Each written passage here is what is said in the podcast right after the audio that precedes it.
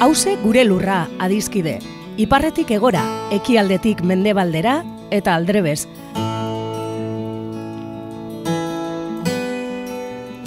Lurra bakarra dugu edo gaituen lur bakarra da hause.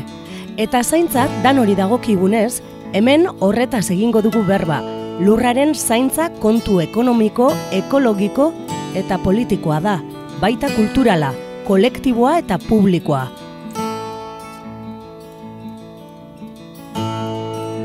Ekopol taldeko Iñaki Bartenak eta Josu Larrinagak hause gure lurraren zaintzak dituen ataka eta kontu importantei buruz hitz egingo digute.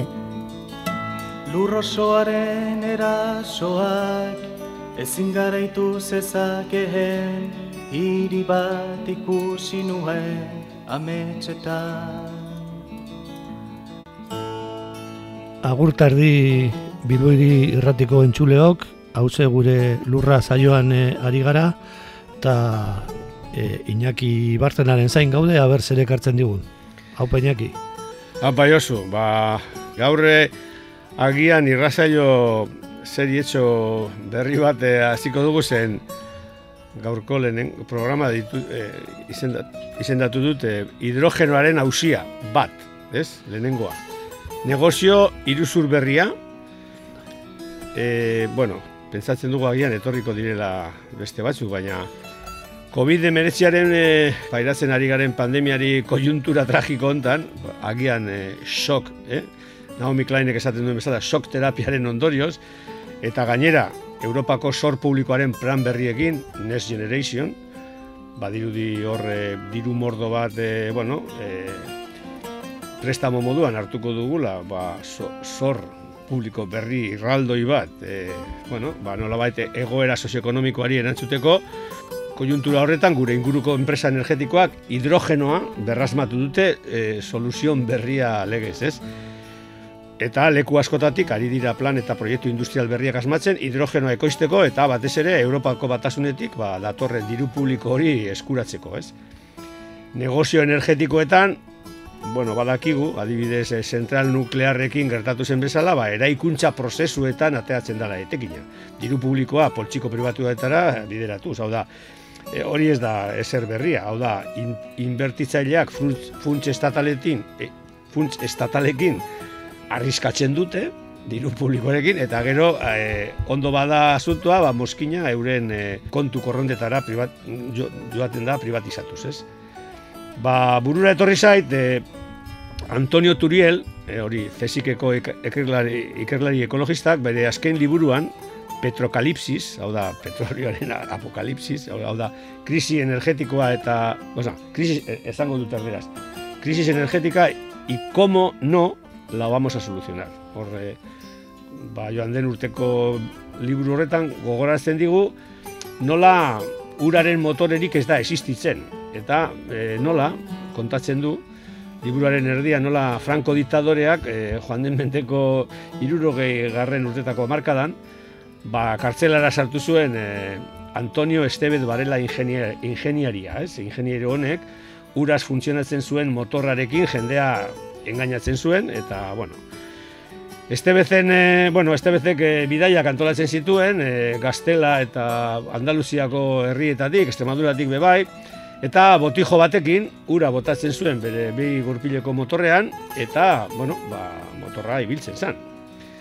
Karo, dena argitu zen, eta, karo, eskandalua sortu zen, eta, bueno, ba, azkenian e, erakutsi zen ingeniariak e, depositoan uraz aparte hidrogenoa, e, hau da, boroa sartzen zuela depositoan eta boroak hidrogenoa sortzen zuela.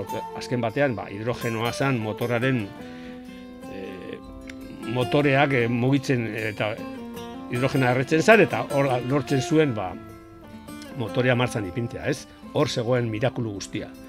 Baina, karo, boroarekin, ba, boro, boroarekin e, lortutako hidrogenoa askoz garestiagoa zan, eta eragikortasun asko eskazagoa zuen petroliotik ateratako gasolia baino. Hau da, Estebet jauna ba, trenan, hor, giltzapean bukatu zen, e, iru zurtzailea izatearen, ez?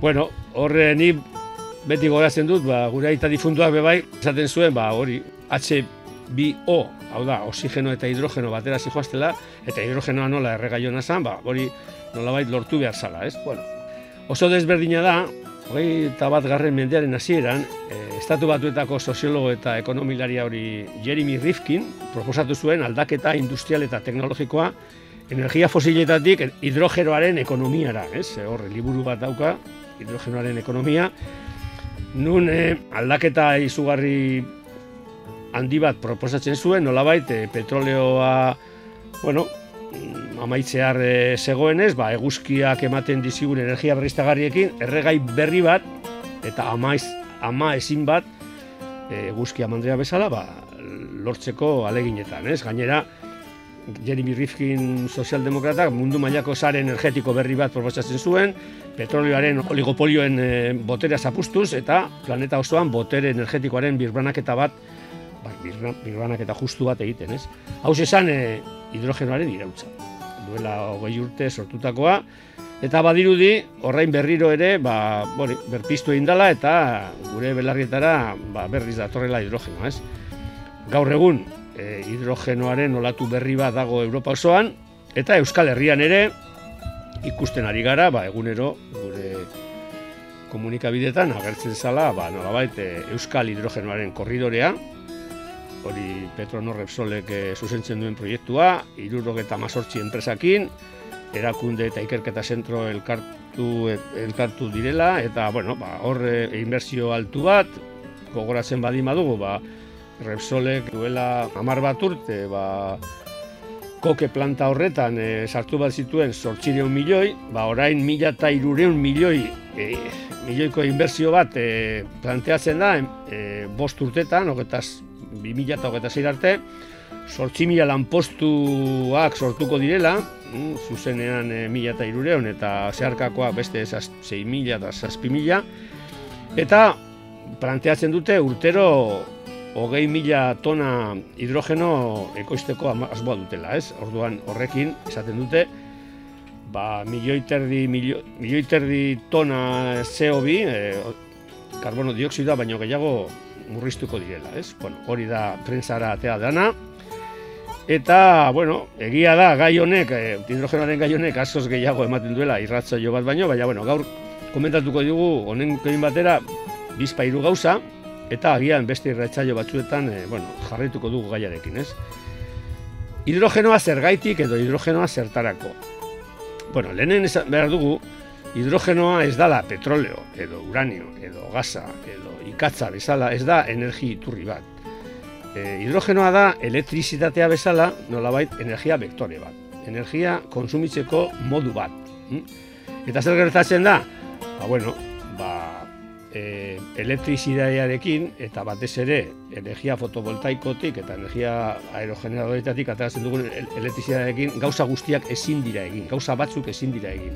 Industria batzuk ezin dira e, horrekin ornitu, adibidez, ba, momentuz ba, egazkinak, momentuz motore handiak eta industriaren prozesu energia potentzia handia behar dituztenak, baina horregaitik, bueno, ba, elektrizidadea gainera, bueno, ba, oso zaila da ba, pilatzeko eta eta eta gordetzeko momentuan e, egiten denean e, e, erabili behar dugu eta horregaitik, bueno, ba, hidrogenoa hobeto e, biltzen da, hobeto gordetzen da, hobeto mm, pilatzen da eta bueno, ba, energia eskuragarritasun hori, ba bueno, hobeagoa da. Baina, claro, hidrogenoak be bai desabantail handiak ditu, ez? E, Antonio Turielek esaten du ba nolabait e, ura ura e, dala nolabait e, ba, gure planetan egondako ez dakit, konbustio edo erreketa oso oso potente baten ondorioa edo errautzak. Hau da, oxigeno eta hidrogenoa bildu ziren duela milioika urte, eta horren ondorioz ura gertatu zen. Eta horren nolabait, erreakzio kimiko horretan energia pilo bat e, erabili eta sortu zen, ez? Baina orain, e, hidrogenoa eta oxigenoa separatzeak, kostatzen digu, askoz energia gehiago gero hidrogeno hori lortzen dugun e, erabiltzeko energia baino. Hau da, hori da problema, ez? Orduan, bai, aspaldiko partez dakigu, hidrogeno eta oxigeno elektrolisis bitartean, separatu daitezkela. Baina ateratzen dugun etekina oso eskasa da, eta hori gaur egun oso kontutan hartu beharreko kontua da, zeren nolabait inbertitzen dugun energia askotan gehiago da ateratzen dugun energia baino. Eta hori da nolabait gaur egun hidrogenoaren problema nagusia. Gainera, bueno, ba, o igual eh, komentatu dudan bezala, ba, hidrogeno mm, gaur egun eh, gure komunikabidetara llegatzen ari dan hidrogenoa, hidrogeno berdea da. Ez? Claro, baina hidrogeno berdea da, baina badago hidrogeno urdina eta badago hidrogeno grisa. Hiru kategoria horiek ez da bizte, eh, ba, analizatzen dira edo azaltzen dira. Orduan, hidrogeno berdea da energia berriztagarrietatik, ba, energia fotovoltaikotik edo energia eolikotik datorrena, baina bebai gaur egun hidrogeno gehiena eta gaur egun prozesu industrialetan hidrogeno erabiltzen da, e, ateatzen da metanotik. Ez, metanotik separatzen da CO2 alde batera eta hidrogeno beste alde batera, eta horreri deitzen diote hidrogeno urdina baldin eta e, gero CO2 hori eskuratzen baldin bada eta neutralizatzen baldin bada. Hori da Repsolek e, Petronorren e, planteatzen duena. E, baina gero dago benetako hidrogeno grisa, eta hidrogeno grisa da erregai fosilekin lortzen den hidrogenoa. Hau da, erregai fosilak erabiltzen dira eta CO2 produzitzen da, naiz eta gero bukaeran hidrogeno bat atera. Eta abantaila zein da? Abantaila da, esan dudan bezala, hidrogeno ondo gorde daitekela erabiltzeko nahi duzun momentuan, hori ez da gertatzen egin, eta erabili daitekela prozesu industrial batzuk deskarbonizatzeko. Baina, e, bueno, ez da, ez da inerreza, eta esan dudan bezala, bueno, balio lezake, transizio moduan, ba, egazkinak, itxasontxiak, industriak, eta bat, ba, erregai likido edo gaseoso bezala erabiltzeko. Baina, baina, e, daugon beste problema nagusi bat, kontutan hartu beharrekoa da, eta da hidrogeno oso korrosiboa da. Orduan, hidrogenoaren odiak eta eta eta zareak egiteko erabiltzen diren materialak urte gutxi batzutan berriz e, berriztatu behar dira, e, hidrogenoaren indarre korrosiboagatik, ba, bueno, mantentzelanak oso garestia direlako orduan.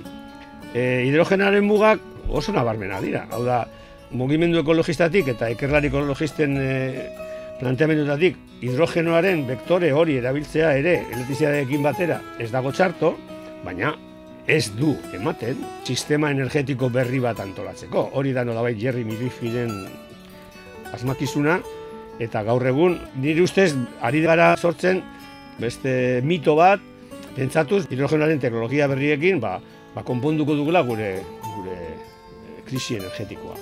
Eta nola baite bukatzeko gaurko irratzaioa esango nuke transizio edo beto esan da metamorfosi energetiko batean bizi gara. E, bizi izan gara azkenengo egun da berrogeta urteetan ba, e, ba, ikatza, e, petroleo eta uraniotik, baina hori bukatzea ardo datu. Osa, hori bukatzera doa, eta nolabait urrengo faseetan energia eskuragarritasun askoz gutxiagorekin biziko gara, Gainera, aurrean daukaguna asuntua da aldaketa klimatikoari erantzun behar diogula eta CO2 e, askoz gutxiago isuri behar dugula. Orduan, ba, metamorfosi energetiko horretan ez dago mirakulurik eta hidrogenoa ez da mirakulu berria. Negozio edo nik esango nuke iruzur berri bat e, sortzen ari da diru publikoarekin ba, negozio ederrak egiteko, Baina, eh, nahi baldin badugu, e, transizio energetiko duin bat, guztiok behar ditugun eta guztiok bizitzeko, ba, nola bait, e, beharrizkoa ditugun energiak ba, ba, eskuratzeko, ba, energia birbanatu behar da, eta esango nuke, ba, amets energetiko berriak, hidrogenoarena edo fusio nuklearrarena, eta ba, agian amez gaiztoak bihurtu daitezkela, eta mesedez, ba, nik uste dut behar dala, ez da bai da, zientifiko eta eztabaida soziopolitiko demokratiko bat ba, ikusteko non jartzen dugun diru publikoa nik enuke ipiniko hidrogenoaren baitan. Ezkerrik asko inaki, ez hori bai, bai, haitzindaria, justo esan duzunean goratu nahi zoren dela urte batzu nire herriko listo batek, zinegotxia izanikoa, eh? que koste eh, esan zidala, eh? ba, hori urez da bil motorea ja asmatuta daukate, gertatzen dena pe, petrolaren industriari ez aiola interesatzen, eta nik esan nio, joe, ba, horrela izateko da, nik ur horri botako nizkioke garbantzo batzuk, zen materia gehiago, josten baduzu, ba, egongo da, energia, energia gehiago, ez da. Eta hori, bueno, eh, ja serio jarrita, eh, Jeremy Rifkinen eh, profeziak eta hori futurologia, ez da? E, hidrogenoaren ekonomia e, iragarri baino lehen, iragarri zuen bebai e, lanaren e, bukaera, ezta? Eta nola bait, asmatu zuen gauza gauza askotan, ez da, ba, hori batez be, ba, e, lepo zuriko sektoretan, amerikanoak esaten duten moduan, hau da, bulegari moduan lan egiten e, duten jende askoen artean, ba, bueno, hori esaten zuen berak, alako lanpostu asko desagertuko dira, zemakinek egingo dute, hori segitzen dute esaten, baina nik nire inguruan ikusten dudana da, makina hoiei esker, e, askotan e, gauza bere egiteko lanordu gehiago sartu behar dugula, edo e, ba, zer esanik ez gure unibertsitatean papeleo guztia egin behar danean e, aplikazio informatiko haren bidez ez da, eta gero, pues, bai, ba, kompainia hundi baten dela energia, dela telefonoa, dela zeo zer, e, ba, persona batekin hitz egitea, problema bat daukasunean, ba, ia, ia, ezinezkoa da, persona batekin hitz egitea, etengabe egon behar duzu hitz egiten makinekin, ez da? Eta gero, bestalde, ba, eurek zurekin hitz egin nahi dutenean, deitzen dizu komertzial batek e, auskalo nondik, ez da, segurazki ego Amerikatik, atxo deitu zidan, etxera, niri, batek eta esan zidan eh, quiero hablar con el señor Josu. Pues no está esan nion, da. Esan nahi dut, askotan eh, Rifkinen profezia eh, oso polita zen, baina gero etorri dena izan da lana askozaz baldintza eskazagoatan egiten dela eta lanak askozaz hori eskazagoak direla. Eta ez dakit hori bere profezia hidrogenoari buruz ere alakoa zeo zer zan, ez da, bere bere obran dana izango zen e, oso oso mirezgarria, baina gero ikusten duguna da, ba, zu planteatu duzun, ez da? Problema asko, zalantza asko, eta betikoen negozio negozioa eta hori diru publikoarekin. Ba, bueno, e, dudarik ez. Mm, paper batean, edo novela batean, nolabait e, itxura eman dakioke mundu berri bati, nun energia askoz e, modu demokratiko, zabal eta desentralizatu batean egin daiteken. Hori egia da. Eta egia da baita ere, zure lagun e, zinegotzi horren e, tesiari buruz, ba, e, energiaren e, antolamendu edo sisteman, potere oso asimetrikoak daudela, eta gaur egun 6 zazpi sortzi kompainia petrolifero izu, izugarri handiek, ba, kontolatzen dute. Gainera, Claro, eh, eh, eh, enpresa energetiko erraldo jauek ez dira bakarrik eh, eh, petrolaren saltzaileak edo ez, ez dute bakarrik petrolioa erausi eta gero mundu osoraz eh, zabaldu. Hauek bai enpresa eh, teknologikoa dira beste aspektuetan nolabait eh, bueno, guztiz lotuta daude, ba autogintza sektoriarekin, baina baita ere komunikabidekin. Eta baita ere, dakigun bezala, euren konseiluetan politikariak dituzte eta politikari horiek lotuta daude estaduen e, potere politikoekin. Orduan, e, ari gara e, ikusten, bueno, ba, nolabait, energiaren e, negozioa ba oso komplejua dela. Eta, ez da, eta egia da interes oligopoliko oso erraldoi daudela. Hori hemen ikusten dugu, nola, bueno, gure sistema politikoan Adibidez, ba, bueno, ba, enpresa erraldoi nagusi horiek, Endesa, Gas Natural, Iberdrola, Repsol eta e, Akziona, enpresa horietan, e, bueno, partidu politiko nagusietako ba, ba, liderrak daude, eta egia da, hor daukagula problema nagusi bat.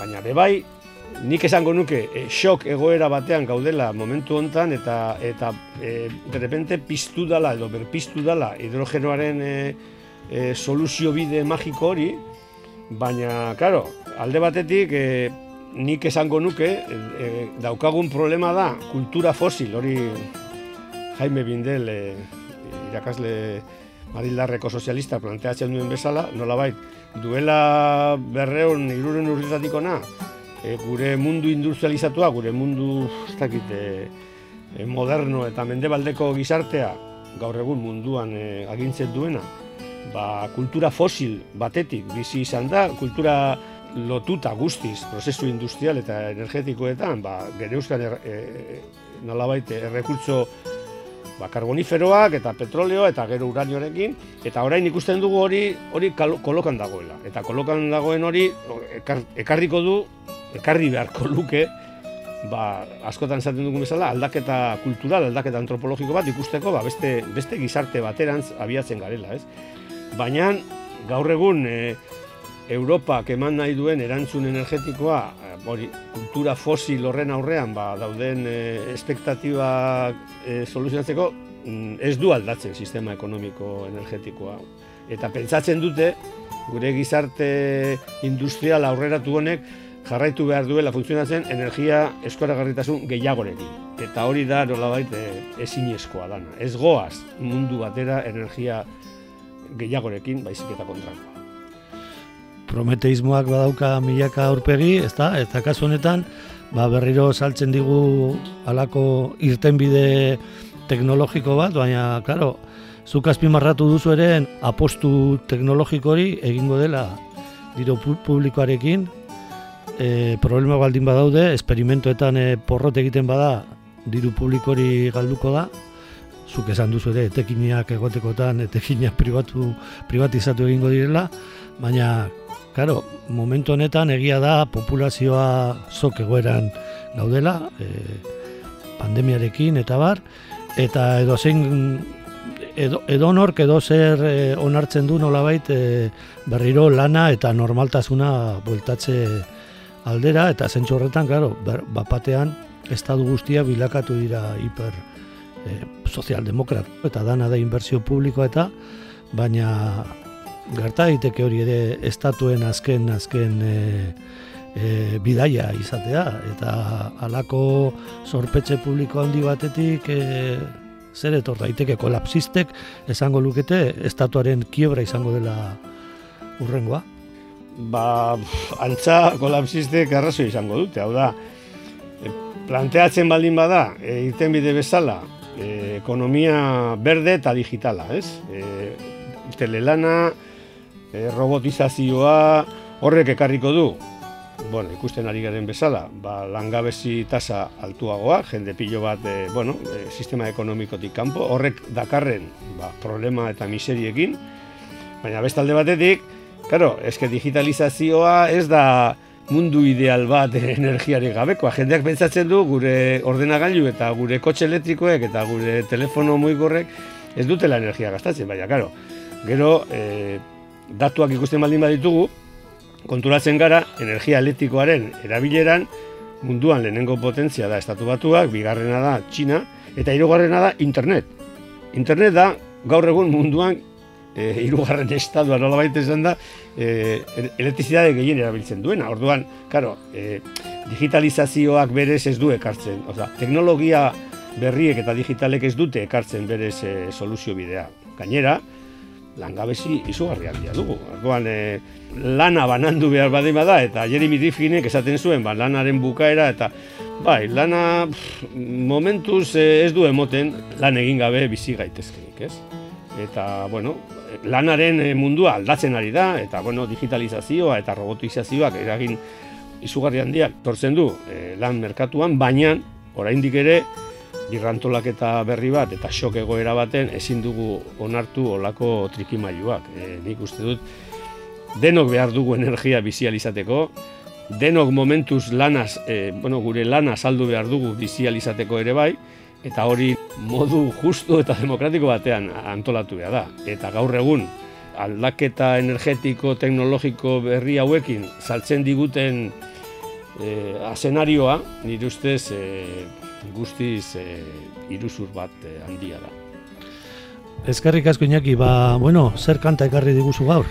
Bueno, ba, ni antipodetara joan naiz, e, beste irratzaio baten ipini nuen, baina orain e, kanta niri, bueno, nire gaztearoan asko gustatzen zizaidan e, talde ekologista Australia hori Midnight Oil eta bueno, gaurko kanta da Birds are running, hau da gure hogeak e, ari dira ari dira erretzen, kanta ekologista bada, egoera energetiko eta klimatikoa gogorarazteko.